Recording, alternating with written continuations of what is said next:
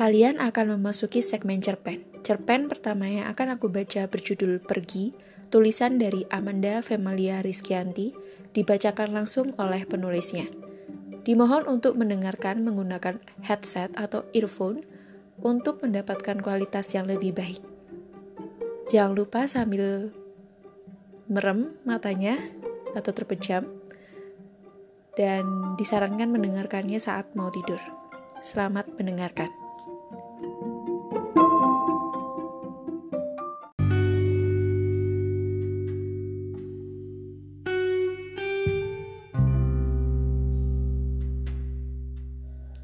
Sudah hampir satu tahun setengah aku meratapi kesedihan yang tidak tahu kapan selesainya. Satu tahun lima bulan yang lalu, aku, Bayu, baru saja diputusin dari wanita yang sangat sempurna bernama Laras. Dia pergi meninggalkanku begitu saja tanpa ada penjelasan yang jelas. Aku, seorang Bayu yang terkenal ramah dengan positif vibes-nya, malah harus loyo untuk menjalani hari-hariku akibat si Laras. Hubunganku dengan Laras sudah berjalan lama. Delapan tahun menjalin kasih sejak kelas 2 SMA. Namun, semuanya kandas begitu saja tanpa adanya penjelasan. Dia mudah sekali memutuskan hubungan padahal kami sudah melalui banyak hal. Susah senang sudah diarungi sama-sama, Apalagi komitmen juga sudah tidak perlu ditanyakan lagi. Aku sangat mencintai Laras dengan seluruh jiwa ragaku. Aku bahkan tidak tertarik dengan wanita lain. Hanya nama Laras seorang yang sudah terukir indah di hati ini. Sudah selama itu pula aku tidak melihatnya. Perkara move on, aku tidak tahu apa ini sudah bisa dibilang sukses dari move on atau belum, yang jelas, aku hanya butuh kejelasan kenapa Laras pergi meninggalkanku di tengah kandang ayam saat kita sedang penelitian. Aku dan Laras satu kantor. Kami adalah peneliti makanan. Entah itu pertanda apa yang diberikan semesta, tetapi bisa sekantor dengan pacar adalah hal yang luar biasa. Jangan pernah berpikir bahwa aku satu kampus dengan Laras. Itu tidak terjadi. Kami menjalani hubungan jarak jauh selama empat tahun. Dia di Surabaya dan aku di Bandung, dan kami dipertemukan tanpa sengaja di tempat kantor. Selama pacaran dengannya, tidak ada cerita dari Laras bahwa dia akan melamar pekerjaan ke tempat yang sama denganku. Aku memang lebih dulu bekerja di tempat ini selama setahun. Hanya saja melihat dia muncul saat kami sedang rapat membuatku terkejut sekaligus salah tingkah. Laras adalah seseorang wanita yang misterius. Dia tidak banyak bicara. Untuk mengungkapkan perasaannya saja terasa susah sekali. Aku sama sekali tidak bisa membaca apa yang ada di pikiran Laras, begitu pula dengan hatinya. Dia begitu dingin bukan hanya kepadaku saja, melainkan ke keluarga, teman terdekat, dan lingkungannya. Laras adalah wanita yang paling cantik selain ibuku yang pernah aku lihat. Parasnya sangat berkarisma ketika dia lewat. Menurutku, dia memiliki mata tersenyum paling indah. Bibir yang saat dia terdiam tetapi membentuk senyum yang menambah kesan imut di wajahnya. Ah, mengingat pesonanya membuatku membayangkan betapa seksinya dia saat tersenyum. Tak jarang banyak lelaki yang ingin mendekati Laras. Namun Laras menolaknya karena dia memilih untuk menjaga perasaanku. Kalau diingat-ingat hari itu saat sedang penelitian ayam, tepatnya di tengah-tengah ribuan ayam, Laras dengan raut muka yang datar tetapi badannya gelisah seperti hendak ingin mengatakan sesuatu. Dari awal sejak di mobil, aku tahu Laras sedikit berbeda, gelisah dan aneh. Bahkan, anehnya lagi nih, seminggu sebelum kejadian, dia membuatku senang dan bahagia. Dia menceritakan kejadian hari-hari yang dia lewati, padahal dia tidak pernah melakukan hal itu sebelumnya. Kita putus, katanya dengan suara yang lantang, membuat ayam-ayam di sekitaran berhenti bersuara. Aku merasa waktu juga ikutan berhenti ketika Laras mengungkapkan hal tersebut. Petok! Suara itu membangunkanku dari lamunanku. Ras, bisa tidak ngomongnya nanti setelah penelitian? Tanyaku sambil melihat ayam-ayam. Tidak, aku ingin di sini. Kita sudah selesai, Yu. Katanya keras kepala. Yu, dia sudah tidak memanggilku dengan kata mas. Aku tidak menjawab pernyataan dari Laras. Yang bisa aku lakukan adalah meneliti ayam-ayam ini dan berdoa semoga itu semua adalah imajinasiku. Seusai penelitian, Laras masuk ke dalam mobil dengan tergesa-gesa. Kemudian aku masuk dengan tatapan bingung. Jadi ini beneran nyata ya? Tanyaku dalam hati. Di dalam mobil, terlihat Laras menatap kosong ke depan tidak mempedulikan kehadiranku. Kami sama-sama hening tidak tahu harus memulai pembicaraan dari mana. Yang jelas, apa yang dikatakan Laras membuat hatiku terluka. Ras, kamu kenapa? Tanyaku pelan. Akhirnya aku memecah keheningan. Aku sama sekali tidak tahu alasan kenapa Laras ingin menyudahi cerita yang sudah lama terbentuk. Aku... Aku ingin kita sudahan. Aku sudah gak sanggup. Kalimat yang dia lontarkan membuatku terkejut. Aku tidak tahu apa yang harus aku katakan ketika Laras mengatakan kalimat itu. Akhirnya aku mengantar Laras untuk pulang tanpa ada pembicaraan di dalam mobil. Sejak saat itulah Laras menghilang. Setelah ku antar ke rumah dan hendak kuhubungi, tiba-tiba saja dia tidak bisa dihubungi. Entah aku di blok atau nomornya yang berubah, aku tidak tahu. Besoknya saat aku hendak ke rumahnya, orang rumah Laras bilang bahwa Laras sedang tidak ada di rumah. Aku tahu mereka bersengkongkol dengan Laras agar menjauhkanku darinya. Di kantor, aku sama sekali tidak melihat keberadaannya. Padahal aku ingin membahas tentang penelitian yang kita kerjakan sama-sama. Ternyata besoknya, aku mendengar kabar bahwa Laras sudah keluar dari perusahaan ini. Dia benar-benar menghilang tidak tahu ke mana.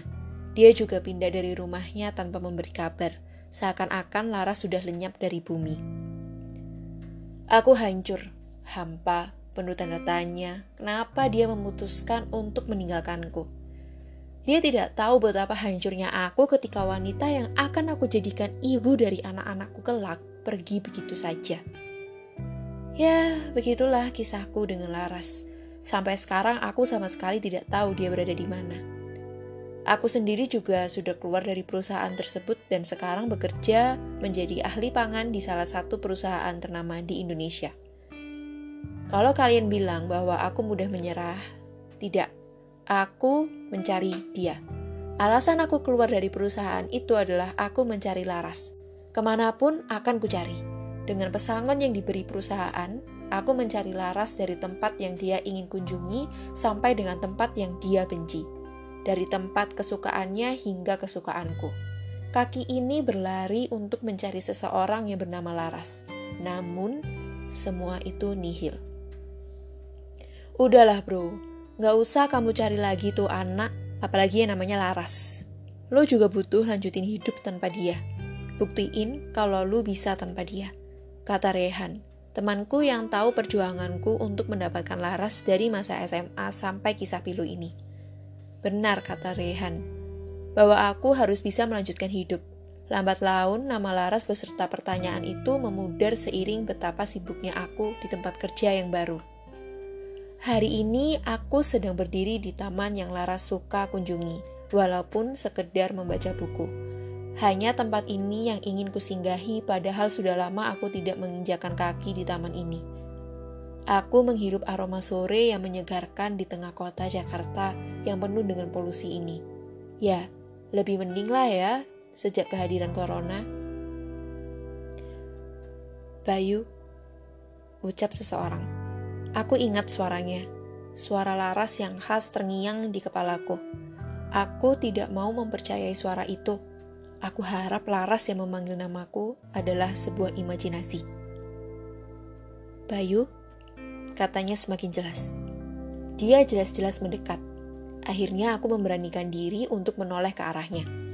Laras sedang berdiri di belakangku tampak terlihat sangat cantik dengan gaun putih dan rambut terurai rapi. Laras, kataku pelan, menahan semua emosi yang ada di dalam tubuhku. Apa kabar Bayu? Tanyanya sembari mendekat ke sebelahku. Baik. Kamu? Ucapku dengan memberatkan nada suara agar terlihat tegar. Baik, katanya lembut. Desir angin membunyikan desirnya membuat suasana menjadi melankolis. Aku ingin langsung bertanya kepada Laras, kenapa dia meninggalkanku? Aku ingin sekali sih, tetapi masa iya aku langsung menanyakan itu setelah sekian lama aku tidak berjumpa dengannya? Aku tahu kamu pasti ada di sini, meskipun saat itu kamu mengecek tempat ini, katanya hangat. Apa maksudnya dia berkata seperti itu? Ras, aku mencarimu ke mana-mana, tapi aku tidak menemukanmu. Terangku. Aku tahu, kamu pernah hampir berhasil menemukanku. Aku tahu itu kamu dan pasti kamu akan melakukan itu. Katanya masih menatap langit sore. Aku menatap mukanya yang terlihat sangat bahagia. Raut muka yang tidak pernah dia tunjukkan kepadaku, meskipun kala itu dia memberikan kebahagiaan Kenapa kamu tidak memanggil namaku, Ras? Tanyaku putus asa. Dia memejamkan mata menikmati hembusan angin yang datang. Kemudian dia menghadap kepadaku dan membuka matanya dengan pelan. Karena aku tidak mau, jawabnya. Seenggaknya, sebelum kamu menghilang, tolong beri saya penjelasan, kataku kemudian. Kamu tahu bahwa Aku merasa tidak bahagia sama pacaran denganmu. Katanya dengan nada tulus. Kenapa baru kamu kasih tahu sekarang, Ras? Bayu, saat itu saya bangun tidur. Dan aku sadar bahwa kamu bukanlah tempat untukku bermuara. Kamu bukan rumahku dan aku merasa bahwa aku juga bukan rumahmu. Kalaupun terus dipaksakan, ya memaksakan hubungan ini, tidak ada yang bahagia yuk. Karena dari awal, aku sama kamu tidak ditakdirkan untuk menjadi rumah bagi masing-masing individu. Katanya dengan nada menjelaskan seperti seorang ibu ke anaknya. Aku menerimamu karena aku kasihan padamu. Aku kuat-kuatin hidupku sama kamu 8 tahun, ya karena aku kasihan padamu. Jelasnya lagi, tapi Ras, sudah selama itu. Bahkan aku hendak melamarmu setelah penelitian tersebut, kataku. Emosiku sudah tidak bisa kutahan lagi. Semua meluap begitu saja. Beruntungnya, aku menyelesaikan itu sebelum aku semakin merasa terbebani setelah kamu melamarku. Bayu, pernah tidak aku memberikan ekspresi ini kepadamu? Tidak kan? Aku mengangguk setuju. Dia tersenyum dan melangkahkan kakinya agar mendekatiku. Dia menyentuhku dan aku bisa lihat bahwa ada cincin pernikahan di jari manis sebelah kanannya. Kamu sudah menikah? Tanyaku kecewa. Sudah. Dan sudah dikaruniai anak yang aku beri nama sama denganmu. Bayu, katanya. Kamu egois, Ras, marahku. Egois mana? Kalau kamu memaksa untuk melanjutkan hubungan ini dan melihatku tidak bahagia. Balasnya. Benar kata Laras. Aku terlalu egois kalau aku memaksakan kehendakku untuk memilikinya. Laras berjalan mundur hendak ingin menyudahi pertemuan singkat ini. Sebelum dia beranjak pergi, dia menatapiku dengan tatapan bersyukur dan bahagia. Terlihat ada air mata yang menggenang di matanya. Lalu genangan air mata itu pecah ketika dia semakin menatapku. Sekarang lihat siapa yang pergi duluan, tanyanya. Kamu lah, kamu sudah bahagia sedangkan aku terpuruk di sini, kataku. Maafkan aku ya Bayu. Baru sekarang aku menjelaskan semuanya. Baru sekarang pula aku muncul setelah seminggu ketiadaanmu. Aku dapat kabar bahwa kamu mengalami kecelakaan hebat saat pulang dari kantor. Dia mengusap air matanya sambil mengembuskan nafas berat-berat.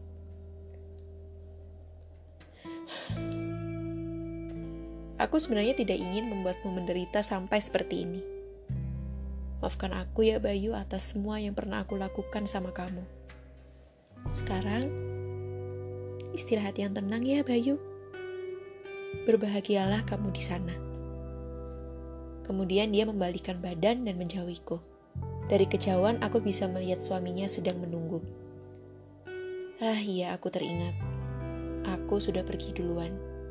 Waktu itu aku mengalami kecelakaan hebat karena aku melihat Laras berada di mobil Honda CR-V berwarna putih. Namun yang kudapat adalah sebuah truk menghantam mobilku hingga remuk. Aku mengembuskan nafas dan melihat ke belakangku. Dan di sana tertulis namaku dengan indah di nisan. Bayu Bagaskoro, lahir 5 Agustus 1995, wafat 29 Agustus 2020. Ternyata aku pergi membawa ribuan pertanyaan yang tidak pernah terjawab langsung dari mulut Laras. Laras, terima kasih. Aku berusaha